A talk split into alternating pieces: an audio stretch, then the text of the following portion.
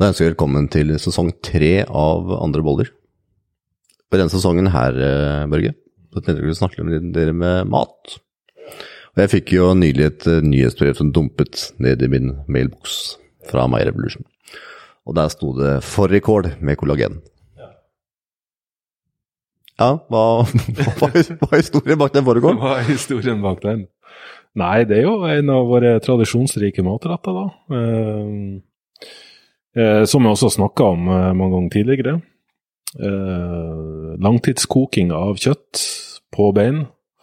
Eh, der kål også er veldig rik på, på mye næringsstoffer. og liksom Når du får langtidskokt noe på lav varme, så blir jo kjøttet veldig mørt, og så trekker det ut veldig mange av de um, aminosyrene fra bein som det finnes lite av i kjøtt. Så du får et veldig sånn komplett måltid.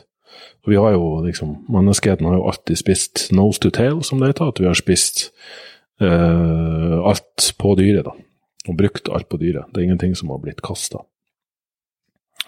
Så eh, da vi Ja, for nå. Nå er det jo veldig mye filet, og det skal være det vi kaller rent kjøtt. Og man skal spise magert og alt mulig sånt. Eh, og det er jo ikke alltid løsninga, eh, vil jeg si. Det, det, er eh, veldig mye næring som går bort eh, når du kvitter deg med fett, fordi veldig mange vitaminer er fettløselig. Og så er det også mye næring i eh, liksom sene og bein. og liksom det, det, er rikt på kalsium, og det er rikt på glysin og aminosyre som, eh, som, som, er viktig for å komplettere og gi en altså, bedre aminosyreprofil. Og det Kritikerne sier at ja, nei, men gelatin og, og liksom kraft, og det har liksom aminosyre som ikke altså Gelatin eller kraft eller kollagen i seg sjøl er ikke en komplett proteinkilde, og dermed så, så kan ikke menneskekroppen bruke det. Men jeg mener altså det argumentet høres jo helt uh, latterlig ut, spør du meg. fordi vi trenger et rikt utvalg, bredt utvalg av aminosyre, og, og, det vil komplettere. Det er jo ingen som har sagt at man kun skal spise kollagen eller gelatin. Men det, er, det kommer i tillegg til de aminosyrene vi får fra Eh, det det norske kostholdet er rikt på, er jo liksom melkeprodukter, egg, eh, kjøtt, og så at vi får vil du si, marginalt med protein fra kornprodukter og eh, liksom bønner og linser og sånt. Det er jo mat som kanskje er mer vanlig i, i uh, ja, Middelhavet og liksom uh, Sør-Amerika og sånn. Mm. Så i det norske kostholdet så, så, mener jeg det er faktisk ganske viktig for å sørge for en komplett aminosyreprofil, der vi får de aminosyrene vi, vi eh, trenger for optimal helse. Hva er grunnen til at de i Middelhavet ofte lever lenger, sånn som Spania og Italia? Sånn, de er ofte bedre Hvis man ser på undersøkelser, så virker det at de både lever lenger og på en måte er friskere og eldre. Mm. Er det kosthold og at klimaet er eh, har du tanker om det, eller? Ja, det er jo skrevet gode bøker om det her, og gjort mye forskning på de såkalte blue zones, der det er høyest konsentrasjon av uh, folk som lever lenge og har god helse. og det er jo mange faktorer som spiller inn. Altså, det er mm, relativt store variasjoner i kostholdet, helt fra et vegetarkosthold til uh, kosthold der de spiser en større andel kjøtt og, og fett. Eh, fellestrekkene er nok at um, de lager maten sjøl. Eh, de tilbereder dem med, med, kortreist mat som de har fra sine egne eh, sine egne marker altså, og, og, hager rundt omkring. mat er en sosial begivenhet som deles med familie og venner. Det er veldig lite stress. Det er ingen som Eh, løper innom Narvesen og tar i pølse på, på vei til rush, altså i rushtrafikken til jobb, mm. liksom. Det er, det er mer sånn uh, et, et, behagelig, balansert liv. Men de spiser seinere òg, da. I hvert fall til Spania så er jo hele familien som regel ute og spiser eh, ni-ti på kvelden. Nettopp. Selv om barn på tre, to, tre år. Ja da. Eh, og, og, gjennom tidene har det jo liksom vært sånn at, at mat er noe man deler med, med, de man er glad i. Det er ikke noe du liksom inntar Uh, som du inhalerer liksom, på vei til en stressende situasjon mens du stresser. så, så, så, mat spiller absolutt en rolle, men, men, jeg har jo alltid vært opptatt av um, hvordan man har det uh, generelt. At, at kostholdet, spis, uh, det å spise god og næringsrik mat, kommer et langt stykke på vei, men, men altså på slutten av dagen så er det liksom hvordan du som person har det innvendig. Uh, om, om, du lever et veldig stressende liv, så vil det selvfølgelig, hjelpe å spise næringsrikt, men det kan ikke veie opp for at du hele tida er på farten og, og, går rundt med veldig mye uro og føler at du ikke får uh, utretta det du skal. da. For en ting som uh, jeg merker, Børge, og jeg nevnte før, jeg har to små barn. Mm. Uh, og du har jo inntil videre et barn. Et barn, ja. ja. Som er uh, Klarer å slenge med det, altså. ja. I hvert fall til han blir gammel nok til å klare seg litt. Til, til å passe på nestemann. Ja. ja. Uh, og det er én ting i hvert fall jeg registrerer, at den uken som har vært nå, mm. så har jeg hatt en sånn med brukket arm og sjuk.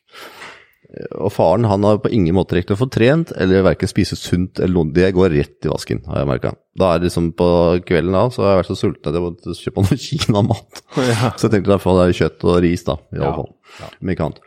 Eh, jeg merker at når det er rolige tider, så kan jeg spise sunt. Men så fort det begynner å bli hektisk rundt, sånn som regel er når man har små barn eller har en hektisk jobb, så går det iallfall rett til skogen hos meg. altså Da blir det fort eh, kjappe løsninger og bare få inn og komme gjennom dagen.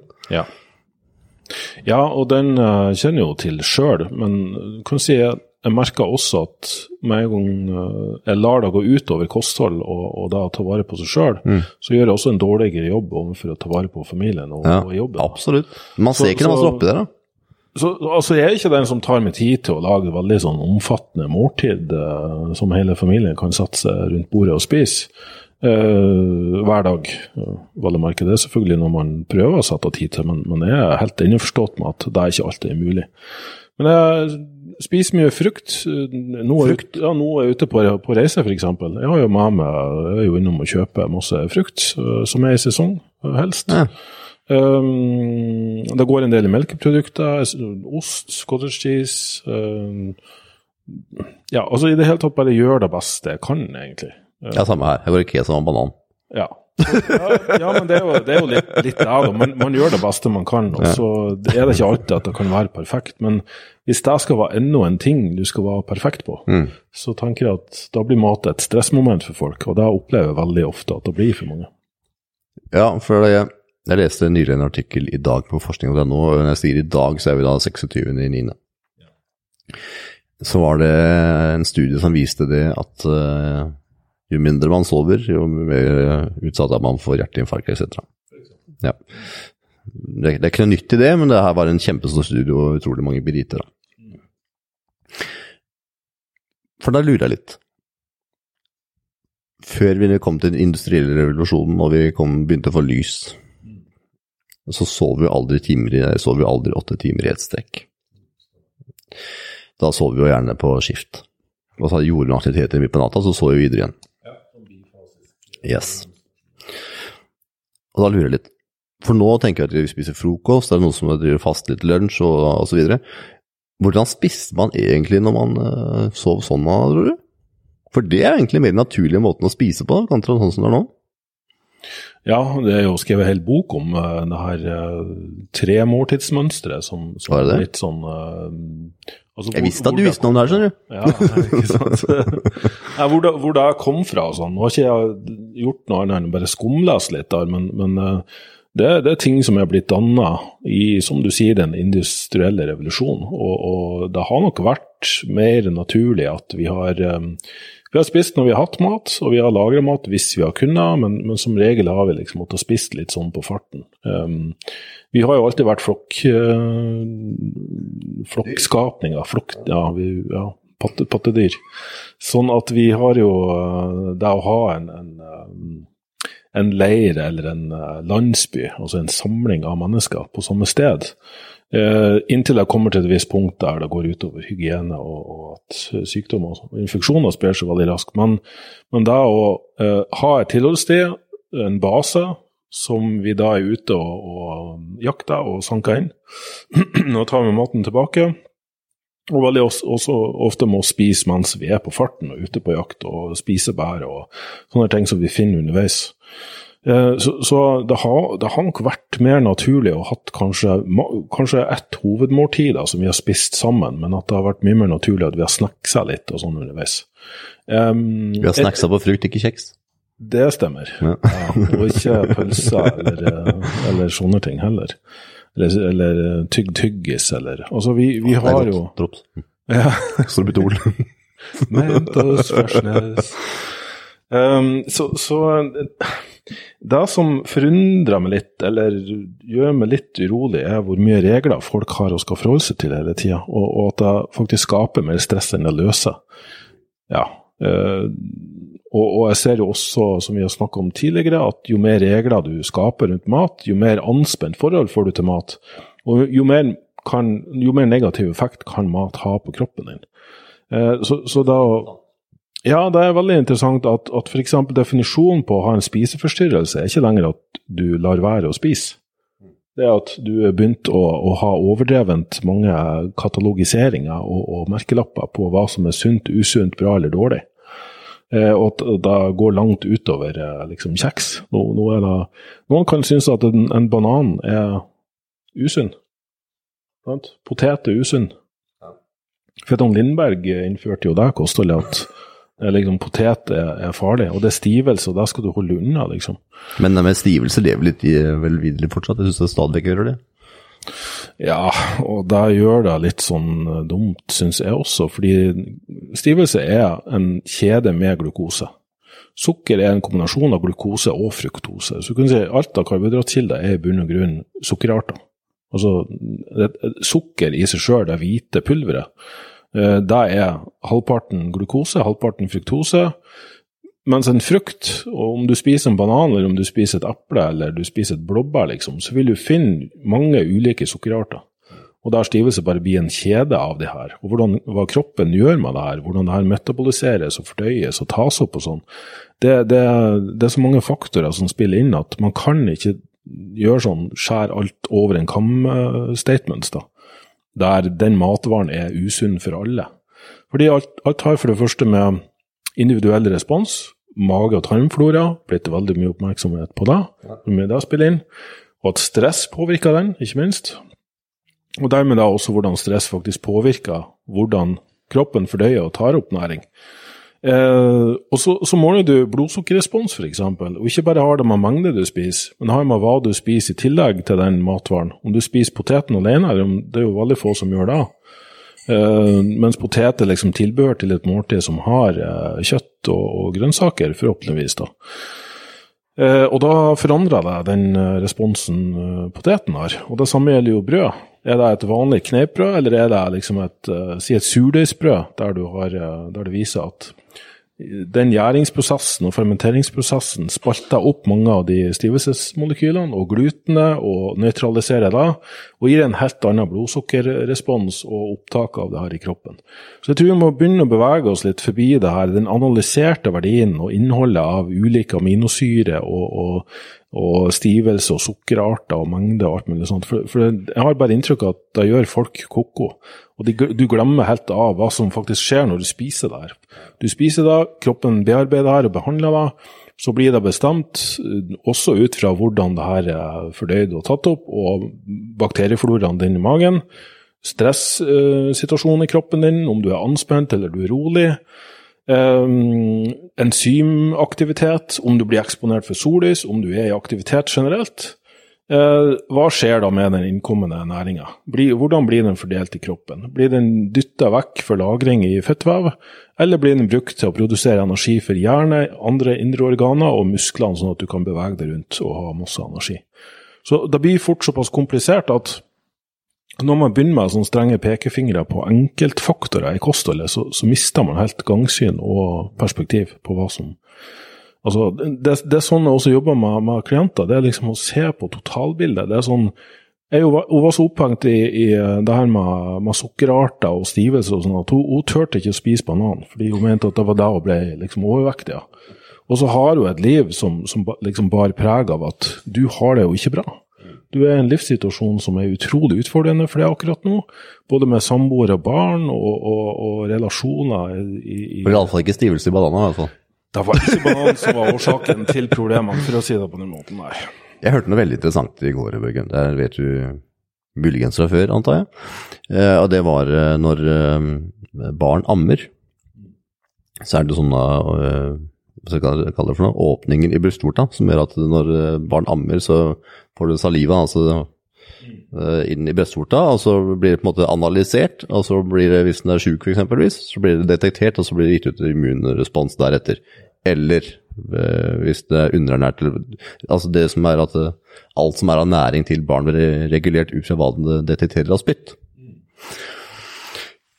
Og det syns jeg er høyst interessant. For jeg tenker at hvis det er sånn det er i starten av eh, vårt liv, at vi får tilført mat ut fra hvordan vi, kroppen gir respons til hvordan den ønsker å ha det, tenker jeg det må vel være sånn det er videre òg, eller? At vi har en uh, intuitiv etter hvert som vi begynner å bli eldre, hva vi skal spise? Ja, uten tvil. Og jeg tror uh, det hadde unngått veldig mye krangling på internett hvis folk har begynt å forstå det her med at det er, ja, vi er biologiske orga organismer som i bunn og grunn er ganske like. Men uh, hva som faktisk skjer med maten vi spiser, og hvordan kroppen har det, altså det, det er såpass individuelt at det finnes ingen sånn standardsvar på, på noen ting. Og så er det jo også sånn at det du er utsatt for, det vil også forandre på ting. Så si at du har noen som da skal spise steinalderkost. Da kan kanskje steinalderkost være det helt optimale akkurat der og da, i den situasjonen den personen er i. Men over tid så vil jo kroppen tilpasse og adaptere seg, ikke bare ut fra det kostholdet som den blir eksponert for, men også livssituasjon og stress og, og årstid og eh, alle mulige faktorer. da. Og over tid så kan det jo hende at kroppen etter hvert bare begynner å skrike at uh, altså For det første føles seg mindre vel på det kostholdet du har. Føles seg kanskje litt slapp og litt doven, litt frossen, kald på fingrene. Uh, litt sånn bomull i hodet, føler det. Og liksom bare får sånn skikkelig sug etter noe, noe søtt. Og liksom bare de, de, de ser en mandarin, så får de vann i munnen, typ. Og da, men da er det jo instinktet. Kanskje på tide å, å, å introdusere litt mer karbohydrater i kostholdet. Og da er det Altså, vi har en visdom, intern visdom, som sier fra hva, hva kroppen trenger. og, og at det du har spist fram til nå, har fungert, men nå begynner det å ikke fungere fullt så bra. Så nå kan det være på tide å introdusere noe annet. Mange barn liker jo grønnsaker, eksempelvis. Hva er årsaken til det, hvis vi intuitivt eh, får beskjed om hva vi burde spise, og barn på en måte har på ingen måte lyst til å spise det som uh, vi burde spise? Er det fordi du ikke er klar for den, eller hva er egentlig greia på det der? Ja, det er et veldig godt spørsmål. Um, jeg har spekulert og gjort meg opp en del teorier om det, men jeg tenker at um, de første leveårene er jo da en overgang fra morsmelka, som liksom er Søt og fet. Og... Ja, og, og veldig komplett på næring, og, og gir det de, de trenger. og Barn eksponerer seg for natur, i hvert fall skal de gjøre det, og dermed får de en, en tarmflora, bakterieflora i tarmen som, som er tilpassa en viss type kosthold. Og de har også forhåpentligvis ingen næringsmangler, sånn at behovet for det som da i planter er veldig mye bitterstoffer. Bitterstoffer har sånne mikroskopiske mengder av gift, faktisk. Mm. fordi det Beskytter seg insekter? og- Planter beskytter seg mot insekter og vil, vil egentlig ikke bli spist. Um, og de kan ha en positiv effekt på en voksen organisme som har vært utsatt for et langt liv med stress, og da kanskje trenger den her såkalte hormetiske effekten. Mens barn kanskje i mindre grad trenger den, og, og, og kanskje ikke bør, bør tvinges til å spise de her grønnsakene før at uh, både fordøyelsen deres og immunforsvar og eh, kroppen som helhet er klar for å motta, bearbeide og, og prosessere og, og få positivt utbytte av de, de tingene har. Det maker veldig sens, egentlig. Eh, Og jeg ser nå som det er høstsesong for eh, broccoli og broccoli sprouts. Jeg vet fader ikke hva det er på norsk, men broccolispirer? Ja, ikke det rosenkål, da? Broccoli sprouts. Er det det? Ja, jeg mener det heter Ah, faktisk rosenkål. Okay. Det jeg i hvert fall tenkte var for broccolispirer. Ja, ja, For nå er det i hvert fall den tida kommet. Ja. Og jeg ser jo minstemann hos meg, han spiser så mye broccolispirer at eh, han uh, kunne fint nesten levd på brokkolispiller. Ja. Mens, så det er tydeligvis et eller annet der som, uh, som fenger hans appetitt. ja. Men, uh, men det der med at de får naturlige ting som smaker sånn som Nå er det også høstsesong for uh, gulrøtter og sånt. De smaker veldig søtt, og det, jeg ser jo forskjellen. De Ja. det er mye bedre med grønnsakene som er nyhøsta nå fra Eh, ja. økologisk gård. Det er ingen tvil om det, altså. At det modner naturlig under de beste forholdene, vil jo gi et mer næringsrikt produkt. Og da barn er på en måte de beste på akkurat det der. Eh, men det er klart, det er òg mange som argumenterer med ja, men hvis du gir dem kjeks og kake og alt mulig sånt, så, så vil de foretrekke deg over frukt og sånne ting. Mye av det kommer litt av hvilken oppvekst de har hatt, og hva de har vært eksponert for. Og, og, det er klart, hvis at de blir eksponert for moderne, menneskelagd mat, så er det en sånn, sånn smakseksplosjon av, av ting som, som, overstyrer veldig mange av de naturlige instinktene. Mine barn har aldri fått brus, og hvis det blir tilbudt brus, så liker de ikke brus. og det er jo også den, de formative årene, hvordan de liksom danner smaksopplevelser. hva de liker. Det endrer seg sikkert med eldre, altså. det, vil, ja, det vil sannsynligvis gjøre det. Men, men, jeg har hørt liksom historier på begge sider av spekteret, og det, da kommer nok ikke bare an på hva barna får å spise, men også hvilket forhold foreldrene deres har til mat, og hvorvidt den er sunn eller ikke sunn. For det, det kan gå begge veiene hvis, hvis, foreldrene er sånn overdreven sunn, hvis du skjønner. At, at det er liksom sånn um, Å, herregud, og kaker og brus og sånn, det er forferdelige, skrekkelige greier, og det er gift for kroppen og alt mulig sånt. Så, så kan det faktisk hende at barna får en motreaksjon der det blir fryktelig spennende. Men tror du, Ja, absolutt, i opposisjonstida. Når vi snakker om det, så observerte jeg noe ganske interessant her uh, på min egen sønn, for han brakte akkurat uh, armen. Uh, og med dobbelt brudd i, under, i, i håndleddet. Ja, men så var det noe som uh, fanga oppmerksomhet på den første natta, selvfølgelig. Det var at han ville ikke ha smertestillende. Men det var jo selvfølgelig ekstremt vondt. Men han sto heller i at det var vondt, framfor at han skulle ha noe smertestillende. Mm. Tøffing? Nei, nei. Jo, jeg, vet ikke akkurat det, vet ikke akkurat det, men det som var eh, interessant, og som jeg forsto, det var at det var frykten for smertestillende var da større enn smerten for brukket arm. Ja, frykten for smerten av brukket arm. Ja, frykten for smertestillende. Ja, var større enn frykten for yes, smerten. Helt riktig. Ja. Mm. Uh, og Det er ganske interessant, for jeg har aldri sagt noe negativt om smertestillende, så han har hørt det. Mm. Og ikke min uh, samboer heller. Så det er på en måte ingen som på noen slags måte har lagt fram noe negativt er med smertestillende for han. Mm. Mens han uh, selv ikke liker det. Mm. Men, og jeg liker det heller ikke, men jeg har aldri sagt det eller ynta det frampå eller, eller tatt i nærheten av han, så vidt jeg kan huske. Mm. Så tenker jeg, er det, er det sånn nedarvet greie vi har, eller? For det, det, var ganske interessant, for det er, ganske, det er vondt å ha brukket arm på to plasser, altså. Ja, jeg tenker vel at vi igjen, det her er intuisjon og instinkt som mm. slår inn, at vi kanskje forstår at den lille hvite pilla der mm. kanskje ikke alltid er så veldig bra for oss. Jeg tror det. Uh, jeg vet jeg, Det er ikke noe fasit, men det er interessant. ja, det er veldig interessant. Um, jeg har også en, en, en, sønn som er veldig kresen på mat og næring generelt. Men det har f.eks. gått en lang periode der han uh, ikke vil ha noe omega-3-fettsyre. Og jeg kan, ha, jeg, kan gå, jeg kan, gå, litt begge veiene, fordi forskninga spriker litt og sånne ting. Og, og mm, da det viser jo at f.eks. omega-3-fettsyre og flermetta fett generelt, det er en slags stress, en hormetisk stresspåkjenning. Øh, på ja, det er noe som jeg tåler ikke fordøyelse av det, faktisk. Eller klarer ikke fordøyelsen av det? Riktig. Ja. Så, um, så, så, olje fiskeolje og sånne ting, det, det, er mange som faktisk kan slite med. Du får sånn fiskerap. sant? Du går og gulper. Du blir jo grå i avføringa. Ja, det har, det har ikke sett så mye på, men Det er men naturlig etter hvert. Ja, uansett, da. Uh, er det ikke du som tar disse bleiene og tar dobesøka hjemme, Børge? Jo, de er veldig sjelden grå, faktisk. Uh, det var min egen jeg snakka om. Ja. Men uansett, da. Så um, en lang periode at han ikke inntok det noe særlig, og, og, vil rett og slett ikke ha det i det hele tatt. Nei. Og får det alltid en sånn liten sånn doseringsbøte, at vi skal være sikre på at du ikke får for mye og sånn, fordi det, du skal jo faktisk ikke ha for mye heller. Ja. Og så var det en for Det var for mye, nå ble jeg nysgjerrig, for så nøye har ikke jeg vært. Nei, altså, altså tran, som er fiskeleverolje, som mm. kanskje ofte kan være litt konsentrert og sånn, mm. du skal ikke ha noe særlig mer enn 3-5 milliliter per dag, liksom. Hva tilsier hva tilsier det? Spiseskjeer? Teskje, ei teskje, altså to teskjeer, ei spiseskje. Ja. ja. Eh, og da så, så plutselig Altså, jeg, jeg, pleier på en måte å tilby det hver dag, da, ja. men at han sjelden eh, Altså, lang periode Nei, nei, nei, jeg vil ikke det. Og han har jo ikke ord ennå, altså noe sånn spesielt med språk, så han bare Nei, han bare liksom ser på deg og sånn, og sånn. Nei, nei, det vil han ikke. Og det er ikke noe vits å prøve, da. Og så var det plutselig en periode her, etter at han har vært litt syk og hatt vannkopper og sånne ting, så plutselig så bare satt han sånn og skulle ha. Og bare jøss, hva er det skjer? Mate på, tenkte du da? Ja, og så gikk det en tre-fire-fem dager, og så vil han plutselig ikke ha igjen. Da har han på en måte fått sin dose, da, tenker jeg. Og det her, det, det, det er også noe vi har snakka om tidligere, som bare hele tida refererer tilbake til fordi jeg syns det var så interessant. Det var den studien som ble gjort på de barnehjemsbarna på 30-tallet.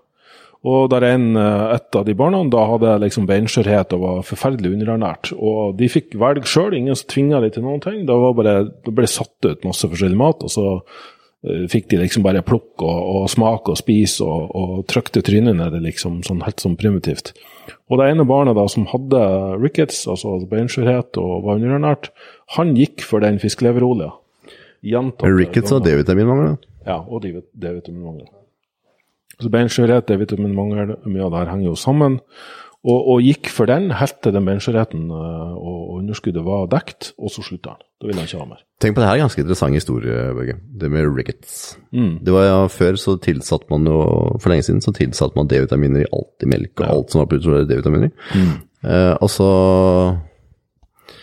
av at noen fikk rickets, Mm. Eller det var årsaken til at man begynte å tilsette det. Det var derfor mm. man fikk jo det. Ja. Så det er ganske interessant at det er ikke mange som fikk det, men noen få, og så mm. begynte man å tilsette det. Og så kom det en studie som viste at noen mennesker ikke klarer å ta opp D-vitaminer som andre. Og derfor begynte man nå å være veldig strenge på hva man kan ta inn. Mm. Men det er svært liten prosent, da. Ja.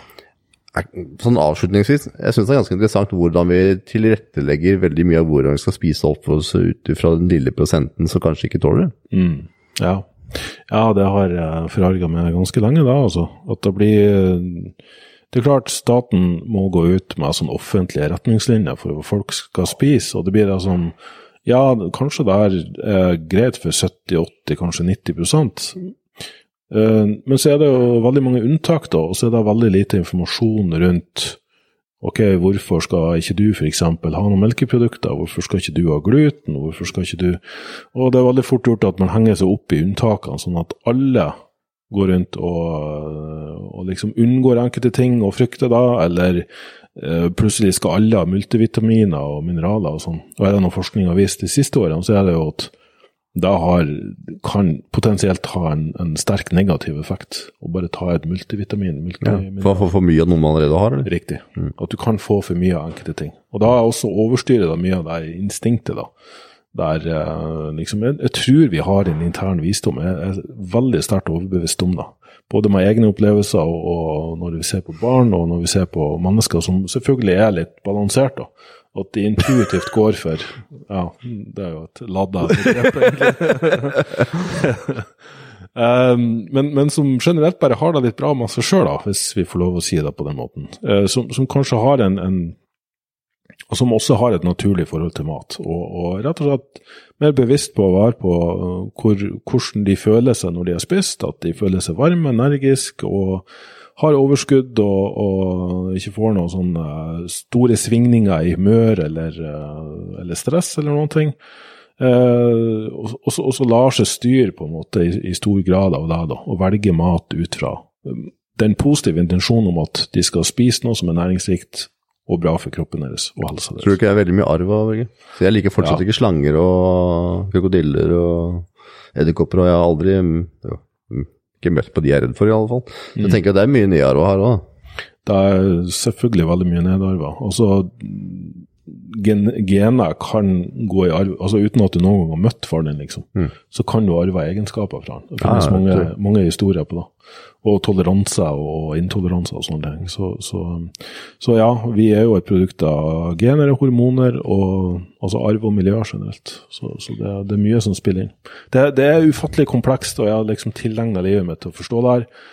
Og det er så mye jeg som ikke forstår av og til. Jeg tenker bare uff, skal jeg gidde her noe mer, liksom? Kanskje jeg skal begynne å, å hek hekle eller sy ja. eller snekre.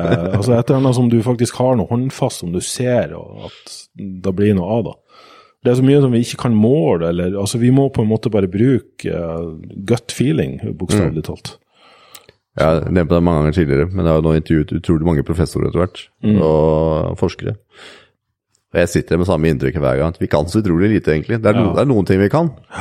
Men så er det utrolig mange hypoteser vi har. Ja, sånn, så og det er derfor jeg har sett på så mange fagområder. fordi professorer kan være utrolig dyktige eh, på sitt fagfelt. Veldig. Og så er det fort gjort at hvis du har en hammer, så ser alt ut som en spiker. Ja, skjønner du? At, ja. At det fort gjort at du tenker der er greia. Og du snakker med noen som er ekspert på uh, mage og tarm, og så er alt handla om uh, tarmbakterier, bakterieflora. Så ja, men det er en del av det store bildet. Det henger f.eks. sammen med stress. Og så har du da en mentaltrener, sånn som du. Alt sitter i hodet. Jeg er er er sånn. podkastprodusent, jeg, Børge. Så eh, Alt, alt er ikke sånn. Men, men det Alt er fort- bare det fort- podcast. Ja, det er fort gjort at, at det blir en sånn one shot, one kill-mentalitet. At jeg sitter på svaret, der fikser jeg alt. ja. Ja, men det, Det er er helheten. Ja, det er kombinasjon av alt. Og jeg syns det var litt greit at du avslutta med den, Børge, for det er det her jeg nemlig syns er eh, blitt så interessant at min uh, mentaltrenerkarriere, den har liksom eh, stoppet opp. Og grunnen til det var at jeg, jeg skjønte at det er veldig helhetlig det som er utfordringer med mange ting. Vi kan klare å presse oss gjennom veldig mye mentalt, uten tvil. Det ser man på idrettsutøvere osv. Det er mye man kan dra seg gjennom, og det er stress, angst osv. kan man gjøre veldig mye mentalt. Men når vi kommer til veldig mange andre ting, så er det veldig helhetlig. Og det er derfor jeg syns at det med å formidle informasjonen er, eh, for min del i hvert fall, mer givende. For det er, eh, det er et hav av informasjon der ute, og det er ikke sånn at det er én vei til rom. Det er veldig mange veier til rom. Og veldig ofte så er det veldig mange av oss kan løse den veien til rom med å høre hva andre har å si. Ja, og det er òg veldig interessant. Akkurat de tankene der har jeg gjort med, og, og, og er også grunnen til at jeg selvfølgelig kartlegger mye helhet når jeg jobber med kunder. Og, og når jeg liksom jobber med det mentale, så bruker jeg mye metaforer og historier og fortellinger. For de har en sånn tro på at, at folk sånn, vi, vi sitter på et instinkt og en sånn underbevissthet da, som, som styrer veldig mye. Og at den henger seg på den knaggen som den trenger der og da. Altså den, folk får med seg Du har sikkert sittet i et rom, og så hvis, hvis du har en viss interesse eller et eller annet som interesserer deg, og så kan det være stemmehav rundt det liksom, av folk som sitter og prater, og så plutselig så fanger du opp en viss setning eller et ord, eller navnet ditt, eller et eller annet sånt. Og det er selvfølgelig fordi underbevisstheten fanger opp at ok, her er det noe, her er det et eller annet du skal ha tak i, eller som du trenger å vite. Og, og det der har, det har jeg opplevd så mange ganger at det er liksom eh, kanskje i starten bruker litt sånn haglementalitet på at ok, la oss adressere alle de her områdene, og så ser vi hva, hva henger seg fast. Hva, hva connecter du med, hva resonnerer med det, hva føler du stemmer for det? Og så går vi videre i den retninga. Og, da- og da tenker jeg at det er den måten du fanger opp det individuelle hos folk. Jeg syns vi var innom veldig mye interessant i dag, Børge. Ja, vi har en tendens til å spore av, så klarer vi å komme oss tilbake litt etter hvert. da. Men jeg tenker at de som lytter på denne podkasten her, de har vent seg litt til det. Ja, jeg tror det er òg viktig å formidle at det er ingen av oss som, som prøver å late som vi sitter på noe ultimat sannhet, Nei. at vi vet alt. Vi, vi kan sitte og spekulere og filosofere, og så håper jeg at det er noen der ute som får noe nyttig ut av det.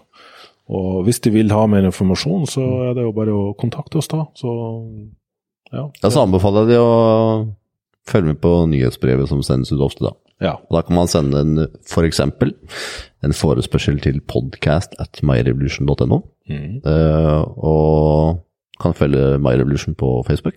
Ja. Og du, Børge, er du som er sjefen for disse postene som går ut? Ja, stort sett. fårikål og Eh, Det var. Anne Farstad her borte som en daglig leder som eh, var ansvarlig for fårikålinnlegget. Det, det var, det var kjempebra. Jeg likte det. Da sier vi tusen, tusen takk til deg som hørte på, og velkommen til neste episode. Ha det Ha det bra. bra.